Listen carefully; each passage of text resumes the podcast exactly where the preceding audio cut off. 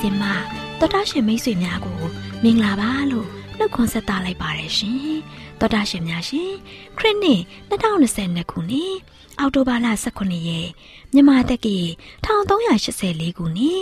တရင်ချိုလာဆုပ်ရှိရဲ့တနင်္လာနေ့မျောလင့်ချင်းတန်မြမာစီစီများကိုစတင်တန်လွှင့်နေပါတယ်ရှင်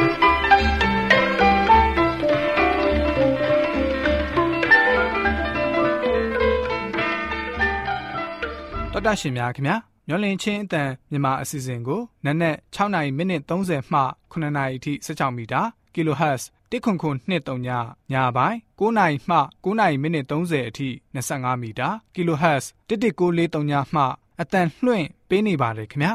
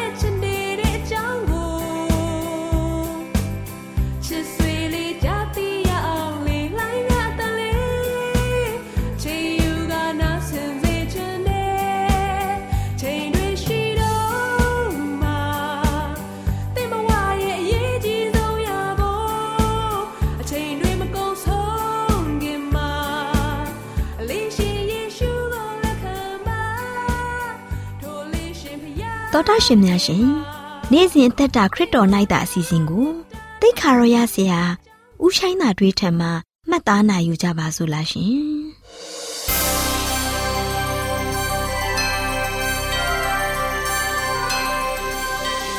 ချစ်တော်တာရှင်ဓမ္မမိတ်ဆွေညီကိုမမများအားလုံးမင်္ဂလာပေါင်းနဲ့ပြည့်စုံကြပါစေလို့ရှေးဥစွာနှုတ်ခွန်းဆက်သလိုက်ပါတယ်အားလုံးပဲကိုစိတ်နှပြ ကျမ်းမာချမ်းသာတော်မူကြပါစေအခုချိန်မှာနေ့စဉ်သက်တာခရစ်တော်၌သာအစီအစဉ်ရောက်ရှိလာပြီဖြစ်တဲ့အတွက်ဓမ္မမိတ်ဆွေများအားလုံးဝိညာဉ်ခွန်အားရရှိဖို့ရန်အားပေးတိုက်တွန်းသွားခြင်းပါတယ်ပထမဦးဆုံးအနေနဲ့ကျမ်းစာတော်များတစ်ပိုက်ကိုဖတ်ပြခြင်းပါတယ်ဘယ်မှာတွေ့နိုင်တယ်လဲဆိုရင်ယောမဩဝါဒစာအခန်းကြီး9အငယ်7နှစ်ထဲမှာဖြစ်ပါတယ်။ဘယ်လိုဖော်ပြထားသလဲဆိုတော့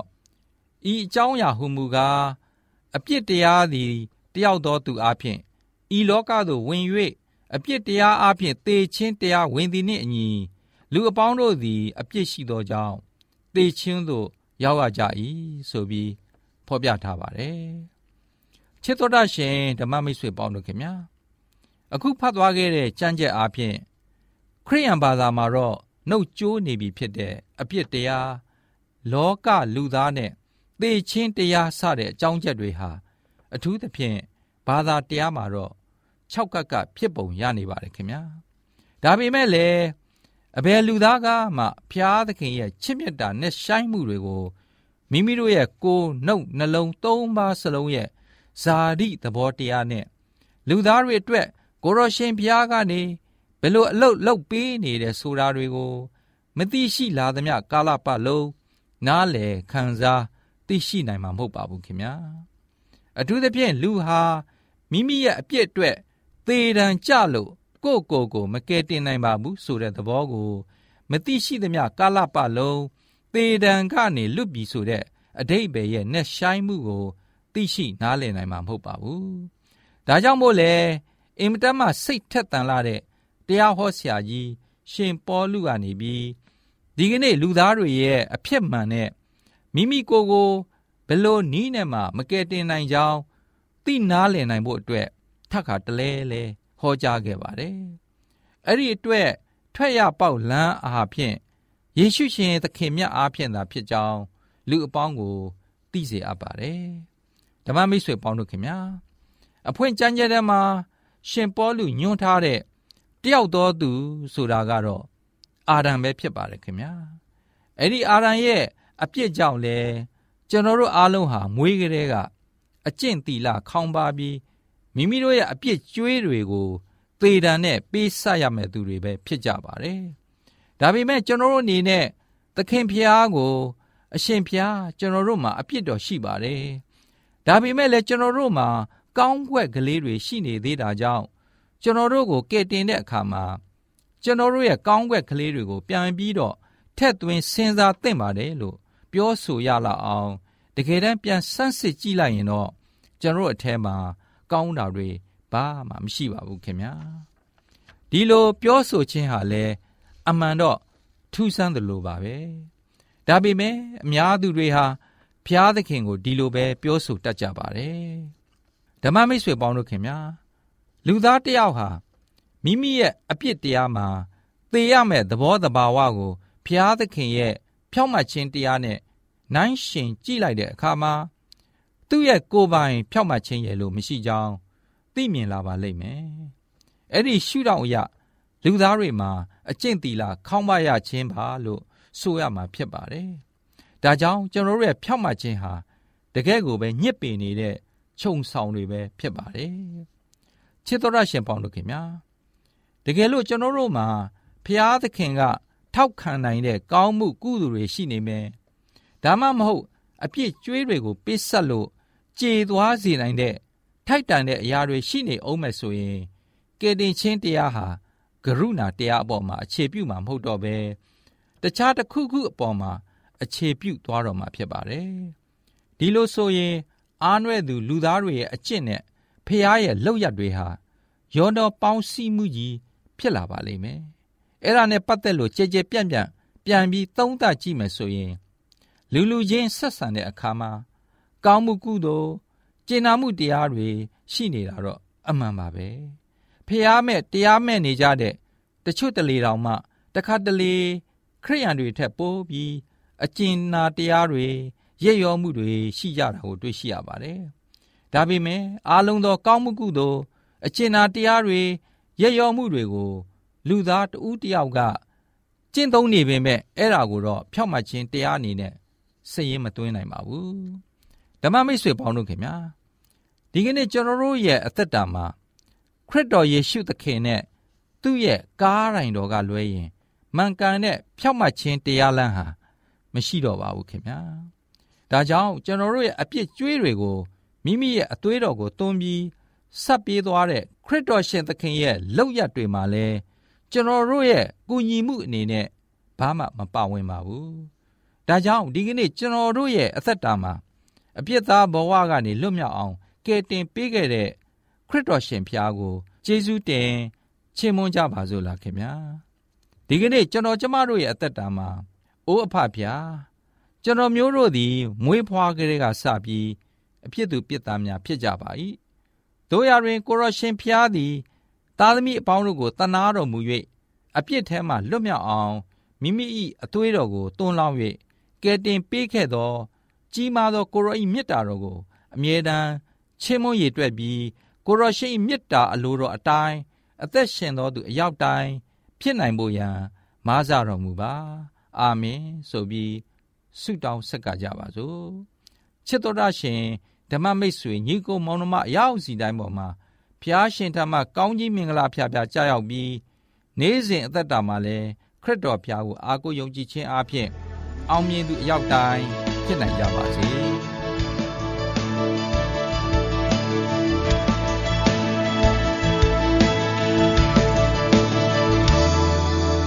မမီကလည်းပြစ်ကူတွေငါလေးတွေးကငိုကြွေးလုံးနေတဲ့တမတရားရဲ့လေးရောင်ငါငါကိုစီချုံနေအခါဒီလိုနဲ့ငါတဲ့ရဲ့တစ်ချိန်ကမေးနိုင်တဲ့မိုက် ပြစ်တွေကိုကိုလိုချစ်သွေးတော်နဲ့သေချောင်းငယ်ပြီးပဲမမီရဲ့ပြစ်ကူတွေငါလေးတွေးကငိုကြွေးလုံးနေတဲ့တမတ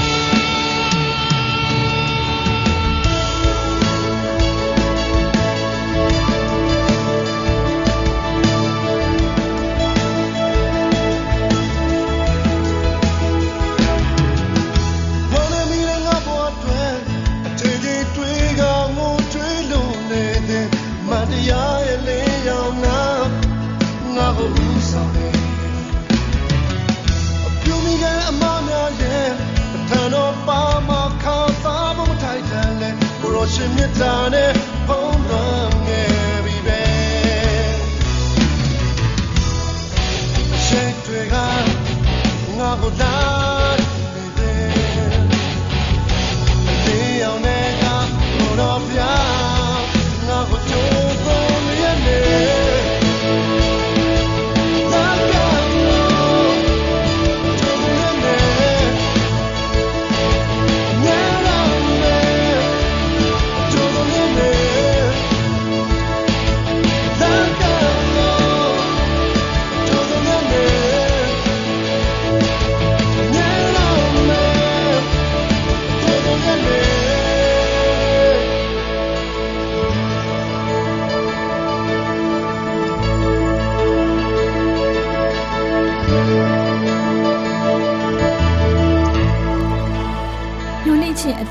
အစီအစဉ်ကို နာတော်တာဆင်းနေကြတဲ့တောတာရှင်များမင်္ဂလာပေါင်းနဲ့ပြည့်ဝကြပါစေတောတာရှင်များရှင်လူတွေရဲ့အသက်တာမှာတွေ့ကြုံရတဲ့အတွေ့အကြုံအဖြစ်အပျက်တွေကြောင့်ဖះရှင်ရဲ့ကျေးဇူးတော်ကိုပုံမသိရှိနားလည်လာကြပြီဖះရှင်ရဲ့မေတ္တာကိုသိရှိလာကြတဲ့လူတွေအများကြီးရှိပါတယ်ဒီကနေ့မှလည်း ဦးအေးရဲဆိုတဲ့တတ်မတော်မှပင်စင်စားရဲဘော်ဟောင်းကြီးတူရဲ့တက်တဲ့ခံချက်ကို နာတော်တာစီရင်ခွန်အားရယူနိုင်ကြပါစေ။သောတာရှင်များရှင်ဦးအေးရဲဟာတနေ့တော့တခြားရွာတရွာမှာရှိတဲ့သူ့မိတ်ဆွေတူဦးစီကိုသွားခဲ့ပါတယ်။အိမ်ကနေထွက်လာခဲ့ပြီးလမ်းတစ်လျှောက်လုံးမှာဘယ်လိုတွေးလာလဲဆိုတော့ငါမိတ်ဆွေတွေနဲ့တွေ့ဖို့တော်ရွာမှာရှိတဲ့ငါအမျိုးတွေနဲ့တွေ့ရင်ငါဘာပြောရမလဲ စကားတွေတဝကြီးပြောမယ်လို့တွေးရင်တွေးရင်လမ်းလျှောက်လာခဲ့လိုက်တာကားဟွန်းတီးတန်တော့မှမကြတော့ပဲအရှိန်နဲ့သူ့ကို ကားဝင်တိုက်ပြီးတော့မျက်စိပြပြီးချော်လဲသွားတယ်။ဒါပေမဲ့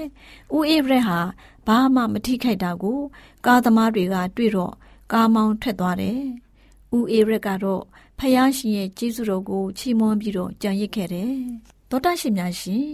နောက်တစ်ခါဦးအေးရက်ဟာ ဆက်ဘိန်းစီးပြီးတနေ့ရောက်ကိုသွားတော့ဆက်ဘိန်းနဲ့ကားတိုက်မိပြန်ရောဆက်ဘိန်းရဲ့ဘိန်းတွေပဲပိန်သွားတယ်ဖယားသခင်ရဲ့ကျေးဇူးတော်ကြောင့်ဒဏ်ရာမရခဲ့ပါဘူးဒီလိုနဲ့ဦးအေးရက်ဟာကားတိုက်ဆက်ဘိန်းတိုက်နဲ့ပြဿနာတွေဖြစ်လွန်းလာတယ်အိမ်မှာပဲအေးအေးဆေးဆေးနေတော့မယ်ဆိုပြီးစိတ်ဆုံးဖြတ်လိုက်တယ်ဒီလိုနဲ့တနေ့တော့အိမ်ရှိမှထိုင်ပြီးကျန်းစာဖတ်နေတဲ့အချိန်မှာသူ့ရဲ့ကြောကုန်းပေါ်ကို ပုတ်ခနဲ့အရာတခုကျလာတာကြည့်လိုက်တော့မိုးရဲ့အခွေလိုက်ဖြစ်နေတယ်။သူဟာရုတ်တရက်ဆက်ကနေယူပြီးပြစ်လိုက်တယ်။တေးသေးချာချာကြည့်လိုက်တော့မွေပွေးဆိုတာသူသိလိုက်ရတယ်။မွေပွေးဆိုတာရင်ကောင်တောင်ပြန်လို့မလို့ပဲပေါက်တတ်တယ်။ဒါပေမဲ့ဦးအေးရက်နဲ့ကြတော့မွေပွေးမှာပြစ်ပေါက်ခြင်းခံလိုက်ရရှာတယ်။ဒါဟာဖះရှင်ရဲ့ကောင်းမြတ်မှုကြောင့်ပဲလို့သူပြောခဲ့ပါတယ် ဖယားရှင်ရဲ့ကျေးဇူးတော်ဟာလူတွေအတွက်မကုန်ခန်းနိုင်ပါဘူးသောတာရှင်များရှင်ဒါရီမကသေးပါဘူးဦးအိရက်ကိုတခါကအိမ်နာနီးချင်းတယောက်ဟာငားဟင်းလာပို့ပေးကြွေးတယ်သူဟာကျေးဇူးတင်စကားပြောပြီးယူထားလိုက်တယ်ထမင်းစားချိန်ရောက်တော့ငားဟင်းနဲ့ထမင်းကိုကောင်းကောင်းစားတော့မယ်ပေါ့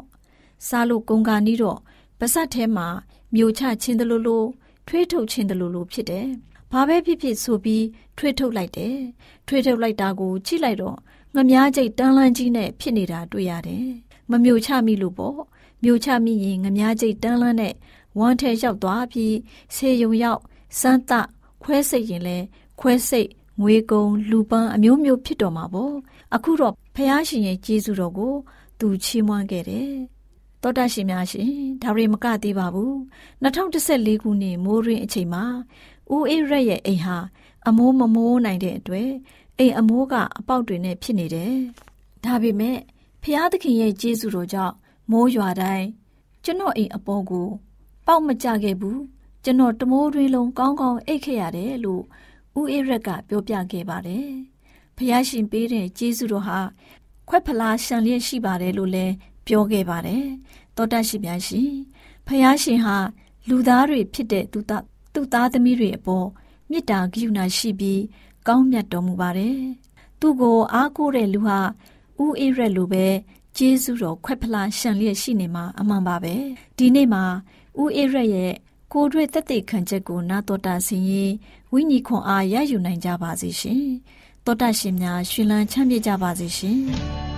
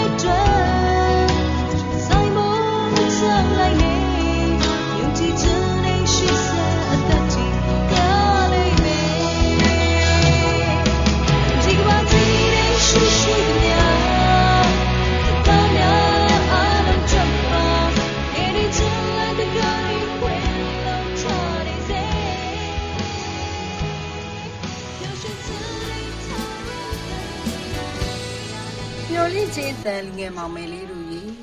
ကဘာကျော်ကြားပုဂ္ဂိုလ်များအကြောင်းမှာတောမဟာရီရဲ့အကြောင်းကို ပြောပြပေးသွားမှာဖြစ်ပါတယ်ကွယ်လူငယ်မောင်မယ်လေးတို့ရေတောမဟာရီကို1840ပြည့်နှစ်ဇွန်လ2ရက်နေ့မှာအင်္ဂလန်နိုင်ငံတောင်ပိုင်းဒေါ်ဆက်ဆိုင်ယာခရိုင်ဒေါ်ချက်စတာမြို့အနီးမှာဖွားမြင်ခဲ့ပါတယ်ကွယ်လူငယ်မောင်မယ်လေးတို့ရေတော်မဟာရီယာသူ့ရဲ့နေရမှာရှိတဲ့စာသင်ကျောင်းမှာ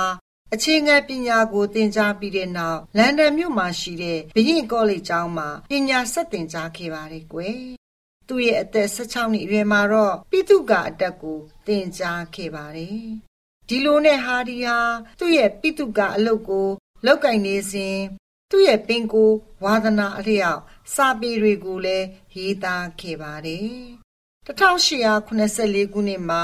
Far From Meldingcraft မီရှိဝတ္ထုကို ရေးသားထုတ်ဝေပြီးတဲ့နောက်ဟာဒီဟာစာပေလောကထဲကိုဝင်ရောက်ခဲ့ပါတယ်ကွယ်လူငယ်မောင်မယ်လေးတို့ရေတော်မဟာဒီဟာသူ့ရဲ့ချက်မြုပ်ရအရက်ကိုဆွဲလန်းခင်မင်သူဖြစ်တဲ့အတွက်သူရေးသားတဲ့ဝတ္ထုတွေထဲမှာအများအားဖြင့်အဲ့ဒီဒေတာမှာရှိတဲ့တဘာဝရှုခင်းကို နောက်ခံထားပြီးတော့ ရေးသားလေးရှိပါတယ်ကွယ်ဒေါ်ချက်စတာမြို့နယ်ဒေသကိုလည်း Westset ဆိုတဲ့ရှေးဟောင်းအမည်နဲ့မှဲ့ခေါ်လေးရှိတဲ့ကွယ်တော်မဟာရီဟာတောကြီးလက်မှာနေထိုင်သူတို့ရဲ့တဘာဝဓလေ့အယုခံစိတ်နေသဘောထားတွေကိုလည်းသဘောကျနှစ်သက်သူဖြစ်တဲ့အပြင်တဘာဝကလူတို့ရဲ့ကောင်းကျိုးမကောင်းကျိုးကို ပြုပြင်လဲရှိတယ်ဆိုပြီးတော့ယုံကြည်သူလည်းဖြစ်ပါတယ်ကွယ် လူငယ်မောင်မယ်လေးတို့ရေတော်မဟာဒီဟာ1882ခုနှစ်ကနေ1896ခုနှစ်အထိဝတ္ထုပေါင်း14ပုဒ်ကိုရေးပြီးတဲ့နောက်1898ခုနှစ်ကနေစပြီးတော့ကြပြားတွေကိုဆက်စုခဲ့ပါတယ်ကွယ်သူဟာအထက်မှာဖော်ပြခဲ့တဲ့ဝတ္ထုနှစ်ပုဒ်ပြင်ထင်ရှားတဲ့တခြားဝတ္ထုတွေကတော့မျက်လုံးပြတစုံ တိုင်းရင်းသားအိမ်ပြန်ခံကက်စတာဘရစ်မြို့တော်ဝန်နဲ့စိတ်ရောက်ဆိုတစ်ပင်အောက်တူပဲဖြစ်ပါတယ်ကွယ်1910ပြည့်နှစ်မှာတော့ Order of Merit ပွဲချီးမြှင့်ခြင်းကိုခံခဲ့ရပါတယ်ကွယ်လူငယ်မောင်မယ်လေးတို့ရေတော်မဟာရီယာ1928ခုနှစ်ဇန်နဝါရီလ17ရက်နေ့မှာဒေါ်ချက်စတာမြို့အနီးမှာရှိတဲ့နေအိမ်မှာကွယ်လွန်သွားခဲ့ပါတယ် သူ့ရဲ့အယိုးပြာကိုတော့လန်ဒန်မြို့ Westminster Abbey ရှိစာဆိုတောင်မှာမြုပ်နှံတကြိုခဲ့ပါတယ်ကွယ်လူငယ်မောင်မယ်လေးတို့ရေနာမည်ကျော်အင်္ဂလိပ်စာဆိုဆရာကြီးတော်မဟာရီယာသူ့ရဲ့ဘဝမှာအခက်ခဲတွေနဲ့တွေ့ကြုံရပြီးမဲ့လေသူဝါသနာပါတဲ့စာဆိုတွေကိုရေးသားခဲ့ပါတယ် လူငယ်မောင်မယ်လေးတို့ရေဂုံယူလေးစားထိုက်တဲ့ပုဂ္ဂိုလ်ကြီးတွေရဲ့အောင်မြင်မှုကိုအတူယူရင်လူငယ်မောင်မယ်လေးတို့ရဲ့ဘဝခရီးပန်းနိုင်ကို အောင်မြင်စွာစုခူးရရှိနိုင်ကြပါစေကွယ်လူငယ်မောင်မယ်လေးများအားလုံးကျမ်းမာရှင်လန်းချမ်းမြေ့ကြပါစေလို့ဆုတောင်းပေးလိုက်ရပါတယ်ကွယ်မျော်လင့်ခြင်းအတန်တော်တာရှင်များရှင်မြမဆွေစုံကျမ်းအတွဲ73မှာနာမည်ကျော်အင်္ဂလိပ်စာစု တောမတ်ဟာဒီရဲ့အကြောင်းကို ကောက်နှုတ်တင်ပြပေးခဲ့ခြင်းပဲဖြစ်ပါတယ်ရှင်။ကျေးဇူးတင်ပါတယ်ရှင်။